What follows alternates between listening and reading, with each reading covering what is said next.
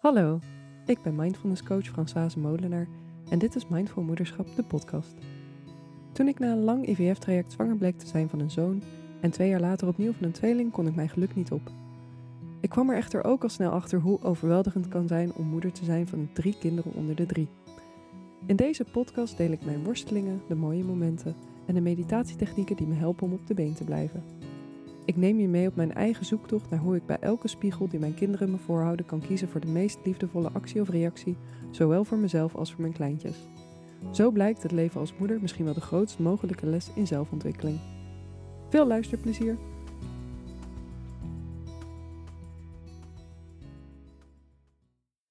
Hallo en welkom bij een nieuwe aflevering van Mindful Moederschap. Mijn naam is Françoise en ik neem deze podcast op met een hele kleine baby in mijn armen. Die ligt lekker te slapen. Ik hoop uh, dat hij het een kwartiertje volhoudt. Dan kan ik even mooi dit, uh, dit verhaal opnemen. Maar zo niet, dan pauzeer ik even. En dan uh, ja, gaan we daar nog gewoon weer verder. Hè? Dat is het leven met kleine baby's in huis. Maar voor nu gaat het goed. Dus um, wilde ik vandaag wat vertellen over hoe de roze wolk bij mij is geweest. Of eigenlijk een beetje het ontbreken daarvan. Ik ben niet uh, zwaar depressief geworden na mijn bevallingen. Zowel bij mijn eerste kindje niet als, uh, als nu na de tweede niet. Maar ik ben ook niet um, zo'n moeder die helemaal euforisch met de kindjes in de armen ligt. En zegt, oh, dit is uh, het mooiste wat me ooit overkomen is. Helaas, ik kan daar wel eens met jaloezie een beetje naar kijken. Als je dan vrouwen ziet die dat wel hebben. Die zeggen, nou, ik was helemaal verliefd na de geboorte dacht ik, oeh, dat moet heel erg mooi zijn en heel fijn voelen. Maar ja, na drie kindjes kan ik wel zeggen dat dat uh, bij mij niet de standaard is.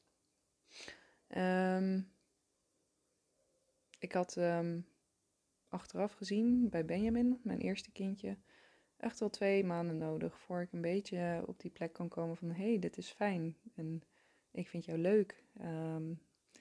Deels kwam dat doordat ik, uh, ik heb schildklierklachten, dus ik moet na mijn bevalling uh, mijn medicatie aanpassen. En daar word ik ook altijd wat down van, dus dat, dat zal niet helpen.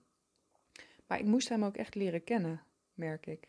Zo'n klein babytje die echt nog niks anders doet dan slapen en drinken. Ik, ik kan ervoor zorgen. Ik kan de liefde voelen van hé, hey, dit, dit is mijn, mijn kindje. Maar ik had het echt wel nodig om hem wat beter te leren kennen. En om hem zijn persoonlijkheid langzaam een beetje te zien ontwikkelen om echt dat moedergevoel uh, te krijgen. Um, en ik ben natuurlijk super analytisch. Ik noemde dat al in eerdere afleveringen. Dus ik had ook veel gelezen over hoe dat dan ging met hechting. En ik kon wel voelen dat het gebeurde tegelijkertijd. Dus ja, je hebt uh, oxytocine, je knuffelhormoon, dat daar een belangrijke rol bij speelt. En als ik dan borstvoeding gaf, dan voelde ik, mm, zeker vlak na de bevallingen, dan, dan ik mijn, um, mijn baarmoeder samentrekken. En dacht ik, oh ja, daar is de oxytocine. Oh ja, ik voel me een beetje high. Zeker als ik dan bijvoorbeeld met hem in bad ging en hem dan ook nog aan de borst legde. Nou, dan voelde ik echt die rush van hormonen. En ik voelde hem ook helemaal verzachten en wegzakken. Dus hormonaal gezien ging het allemaal goed. Um, maar ja, wat ik zei, het echt genieten van, oh, dit is mijn kind, dat, dat kwam pas wat later. Uh, ik denk wat voor mij een beetje de shift was, is als ik, ik was op een gegeven moment yoga aan het doen. En mijn man die was met Benjamin op pad. En ik voelde me heel blij. En toen dacht ik, waarom ben ik zo blij? Toen dacht ik, oh ja, Benjamin is in mijn leven. Dus nu, vanaf nu is er altijd iets wat me blij maakt als ik eraan denk. En uh, ja, dat is nog steeds zo. Als die nu niet bij me is en ik denk aan hem, word ik gewoon gelijk heel vrolijk. En met de tweeling uh, begint dat ook te komen nu. Dat mijn man dan, als hij ze meeneemt naar zijn moeder, een fotootje stuurt. En ik het zie en denk, oh, dat zijn mijn kleintjes. Dus mooi om te zien dat langzaam uh, er een wolkje komt. En uh, een mistbuitje, misschien een roze mistbui. Maar ja, het is ook niet zo gek, denk ik. Want uh, dat moeder worden, het is zo'n enorme transitie. Um,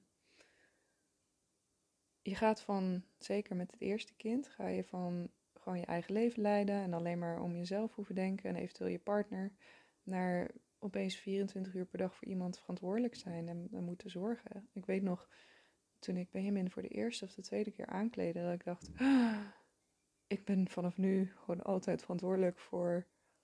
ehm, ik ben er altijd verantwoordelijk voor dat jij kleren aan hebt. Ik zal dit echt jarenlang nu moeten doen, jou aankleden. dat, dat greep me nogal naar de keel. Ja, eigenlijk vind ik ook de transitie nu van één kind naar drie met de tweelingen erbij makkelijker dan die eerste, van nul kinderen naar één. Omdat het eh, ja, echt een grote shift is.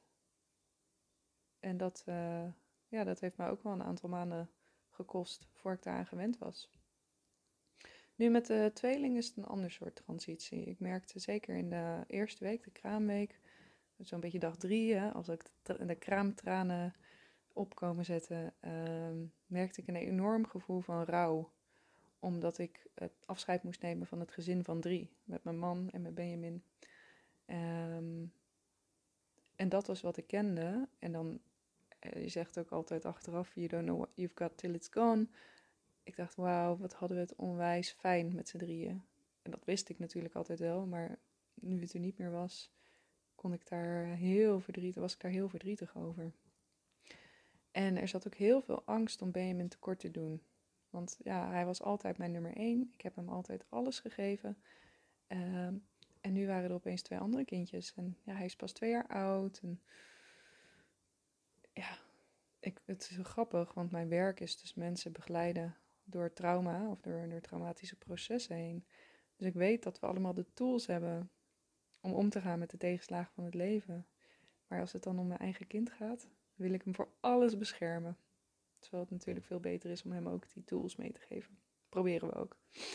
Dus ja, ik was, uh, als ik daar nu op terugkijk, was ik heel veel aan het spelen met Benjamin. Heel veel aan het voorlezen. Soms ook echt wel, weet je, meestal gewoon als de, de tweeling sliep. Maar soms ging het ook echt wel ten koste van aandacht voor de tweeling. Dan dacht ik, nou laat de thuiszorg maar even een flesje doen. Dan kan ik met Benjamin, uh, kan ik Benjamin naar bed brengen of kunnen wij samen even gaan spelen. Ja, ik ga er nog een andere aflevering over opnemen. Dat perfectie, zeker met drie kinderen, niet meer bestaat. En uh, ja, dat je gewoon niet altijd alles voor iedereen kan geven. Maar dat is waar ik dus die eerste week achter kwam. De nieuwe realiteit is, je doet wat je kan. En toch voelt het alsof je overal, of voelt het voor mij alsof ik overal tekort schiet. En ik denk wat er um, ook een rol speelde, en, dat is natuurlijk iets wat bij transitieprocessen heel erg gebeurt, is dat je gaat van een bekende situatie naar iets wat je nog niet kent. Um, dus dat kan zijn van ik heb nog geen kind naar opeens een leven met kind. Of in mijn geval, ik kende dat gezin van drie en nu gingen we naar een gezin van vijf. En dat kan heel ongemakkelijk voelen, want je weet eigenlijk, of ik wist nog niet wat het nieuwe normaal ging zijn.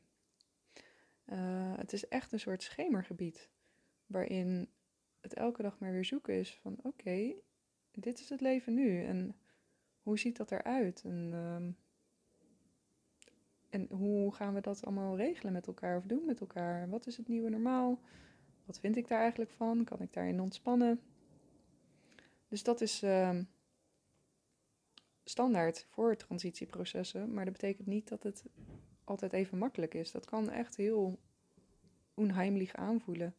Zeker als je ja, houdt van controle hebben, zoals ik. Um, ik ben nu ook een boek aan het lezen. Life is in the Transitions heet het. En daar wordt dat ook heel mooi omschreven. En dat sommige mensen die kunnen daar echt, uh, die gaan er heel goed op. Zo laat het nieuwe avontuur maar komen. Maar er zijn ook heel veel mensen die zeggen, oh, ik weet helemaal niet wat ik hiervan moet vinden. Want het is allemaal nog zo onduidelijk.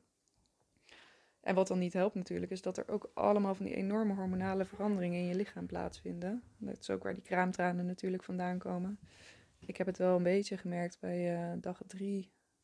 Bij Benjamin niet zozeer, maar nu met de tweeling wel. En dag drie was ik echt op een gegeven moment helemaal hysterisch, ook door het slaaptekort.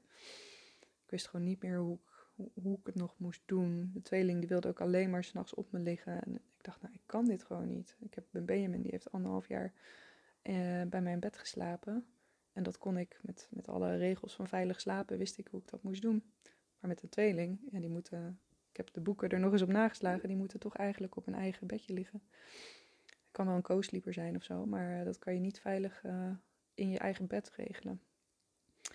Dus ja, ik was helemaal kapot en heel hormonaal en heel verdrietig. Wat mij enorm heeft geholpen zijn een aantal tools Uh, allereerst mindfulness. Het lukte me redelijk wel om gewoon te zijn met de emoties. Dus als het nou gaat over, oh, ik weet echt even niet meer hoe ik het moet doen. Oké, gewoon ga maar gewoon voelen hoe dat voelt. Hoe voelt dat in je lichaam? Ik weet het niet. En hetzelfde geldt voor uh, dat gevoel van, oh, deze transitie, wat, waar gaat het heen? Ik weet niet wat ik hiervan moet vinden. Oké, kan je omarmen dat je het gewoon even niet weet?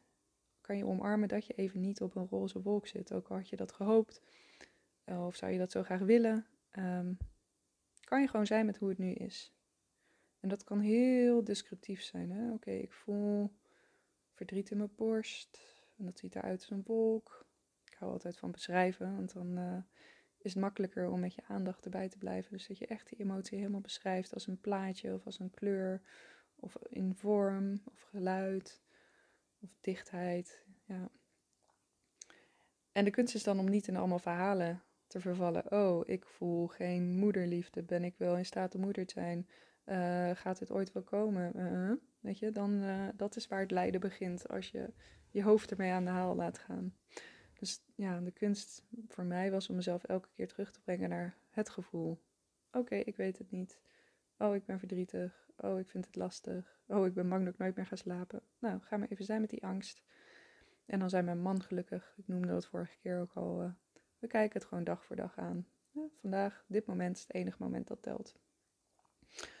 Wat ik wel heb gedaan is op de momenten dat het echt heel slecht ging. Ehm, of dat ik voelde van hé, hey, dit, uh, dit, ik raak misschien een beetje de grip hierop kwijt. Als ik bijvoorbeeld echt een hele nacht lag te piekeren ergens over. Of, en, ja, je hebt je slaap zo hard nodig. Of als ik uh, echt heel erg down was, dan liet ik dat wel even merken. Ik heb een schoonzus die, uh, met wie ik hier wel goed over kan praten.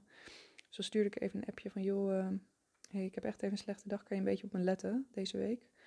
Omdat je wil natuurlijk voorkomen dat je af gaat glijden en niemand het door heeft. Dus gewoon, daar is die mindfulness ook wel heel handig bij, om toch te zien, hoe gaat het nu met me? hey, dit gaat wel heel, uh, heel hard omlaag. Um, ik meld het ook altijd even bij mijn man. Dus joh, vandaag heb ik het echt even heel moeilijk. Puur dat er iemand even meekijkt en je niet ongezien zo ver afgeleid dat je niet meer eh, terug kan komen. Een laatste ding dat mij heel erg heeft geholpen is bellybinding. Um, ik had een, na mijn eerste bevalling van Benjamin uh, een postpartum doula die daarbij kwam.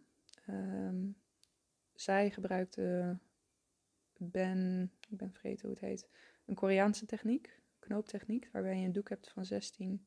Bengkung heet het volgens mij, Bengkung bellybinding. Er staat een, uh, een doek van 16 meter, die je met een vrij makkelijke knooptechniek helemaal om je buik heen uh, knoopt. Um, en dat geeft heel veel stevigheid. Dat is sowieso wel fijn na de bevalling, als alles zo hangt. Zeker na een bevalling van een tweeling. Ik moest de eerste dagen, als ik dat ding niet om had, mijn buik tillen. Want die was gewoon uh, ja, er was niks meer van over natuurlijk. Maar het geeft ook emotionele stevigheid, merkte ik. Dus op de dag dat die kraamtranen, op dag drie na mijn bevalling van Benjamin, toen merkte ik, oh, ik ben een beetje wankel vandaag. En toen deed ik dat, uh, die doek om en toen kwam er heel veel stevigheid. Ik voelde echt, oh, ik word bij elkaar gehouden. Uh, heel interessant dat, dat zo'n fysiek hulpmiddel, dus ook emotioneel, je zo kan steunen. Je hebt geloof ik ook allemaal wel uh, andere middelen die je daarvoor kan gebruiken. Mijn verloskundige kwam nu met de sluitlaken aan. Dat is dan de Nederlandse variant. Uh, ik had alweer zelf een uh, bellybind gekocht, dus ik heb die gewoon gebruikt. Maar uh, sluitlaken is dus ook een optie. Ik zag ook dat je, maar dat kost alweer heel veel geld online. als je op bellybind googelt, kom je ook allemaal andere dingen met klittenband tegen die je zo omdoet. Dus ja, het is maar zien wat, wat voor jou de fijnste optie is. Maar ehm, om maar te zeggen dat dit je emotioneel ook heel erg kan helpen. Dus ja, die roze wolk en die transitieperiode. Uh, ik hoop voor jou dat jij gewoon er helemaal doorheen zeilt en het allemaal super lekker gaat. En als het even niet vanaf dag één loopt zoals je wil, ja, wees niet bang. Het kan echt wel komen. Hè? Dit, uh, het zijn allemaal maar momentopnames. En uh, ga niet te veel mee in de verhalen. Voor de Patreon-accounthouders die uh, mij financieel steunen zodat ik deze podcast kan maken, maak ik elke week een meditatie. Die is uh, online beschikbaar. De link vind je in de show notes. En voor deze week heb ik een meditatie opgenomen die, die ik zelf heel veel gebruikte die eerste weken na mijn bevalling om het contact met mijn buik weer te herstellen. Dat ik merkte als ik uh, ging afstemmen op mijn lichaam, mijn buik was leeg. En ik, als je het dan hebt over een transitie, voor je lichaam is natuurlijk dat buikgebied een enorme transitie. Je baarmoeder, het buikgebied. Um, daar heeft leven in gezeten, er werd bewogen, je kon contact maken met je baby en opeens is dat er niet meer. Dus ik uh, merkte dat het heel fijn was om vanuit meditatie te gaan onderzoeken: oké, wat is er nieuw? Wat is de nieuwe situatie? Hoe is het nu in mijn baarmoeder? Hoe is het nu in mijn buik? Daar elke keer contact mee te maken, zodat je ook daar weer um, wat stevigheid kan vinden. Dus ik hoop dat je er wat aan hebt. Um, als je vragen of opmerkingen hebt, je kan me altijd mailen. Mijn e-mailadres staat ook in de show notes. En heel erg bedankt voor het luisteren. Hopelijk tot volgende week. Heel veel liefs.